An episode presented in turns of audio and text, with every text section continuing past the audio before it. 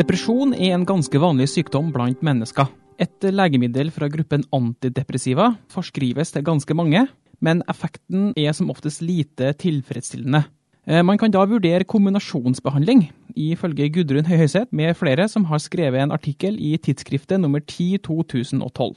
Depresjon er en veldig vanlig tilstand som veldig mange mennesker i løpet av livet opplever. Og mange av disse pasientene blir behandlet med såkalte antidepressiva. Hvorav én gruppe er disse som, som, kalles for lykkepiller. På fagspråket heter de såkalte selektive serotonin-reopptakshemmere. Det finnes også flere andre typer antidepressiva, men disse såkalte lykkepillene er de som brukes mest i dag. Det er dessverre ikke alle pasienter som har effekt av antidepressiva behandlingen. Og tilfredsstillende effekt det ses hos under 50% av pasientene.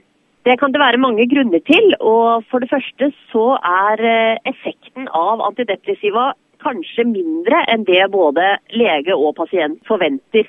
Dette skyldes til dels at disse store industrisponsede studiene som er gjort, de forteller bare om de resultatene som gir positive funn. Og I tillegg så er effekten best på de pasientene som er mest alvorlig deprimerte. Mens hos en vanlig allmennlege eh, så kan det kanskje sitte en pasient som har en mer mild depresjon, og da er egentlig eh, den forventede effekten av antidepressiv behandling eh, dårligere. Det er også andre årsaker til at behandlingen ikke fungerer. F.eks. så er det noen pasienter som ikke tar medisinen, og det kan også være interaksjoner med andre legemidler eller genetiske forhold som gjør at man har for lav konsentrasjon av legemiddelet i blodet.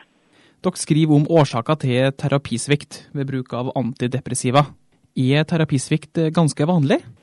Ja, det er eh, veldig vanlig. Eh, og Det er noe man alltid må eh, tenke på. F.eks.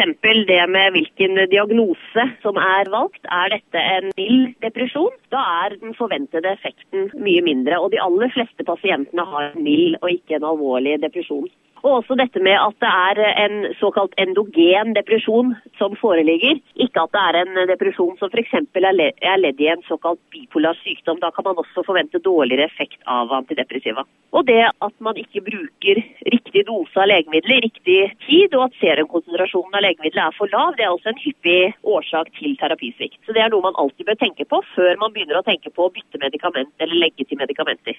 Hva er fordelene og ulempene ved å kombinere antidepressiva va? Den åpenbare fordelen, og det eneste man eh, er ute etter, er jo det å forsterke effekten. Fordi effekten ikke er god nok av å ha bare ett legemiddel. Så det er jo absolutt fordelen. Og så er det jo da dessverre ulemper, og det er at sannsynligheten for bivirkninger øker når man tar flere medikamenter. Og det kan ofte gjøre at pasientene slutter å ta begge medikamentene fordi de får plagsomme bivirkninger. Eh, det er også fare for, eh, for farlige bivirkninger. Hvis man kombinerer høye doser av forskjellige antidepressiva, så kan man få noe som heter heter serotonergt syndrom man må være litt på vakt for.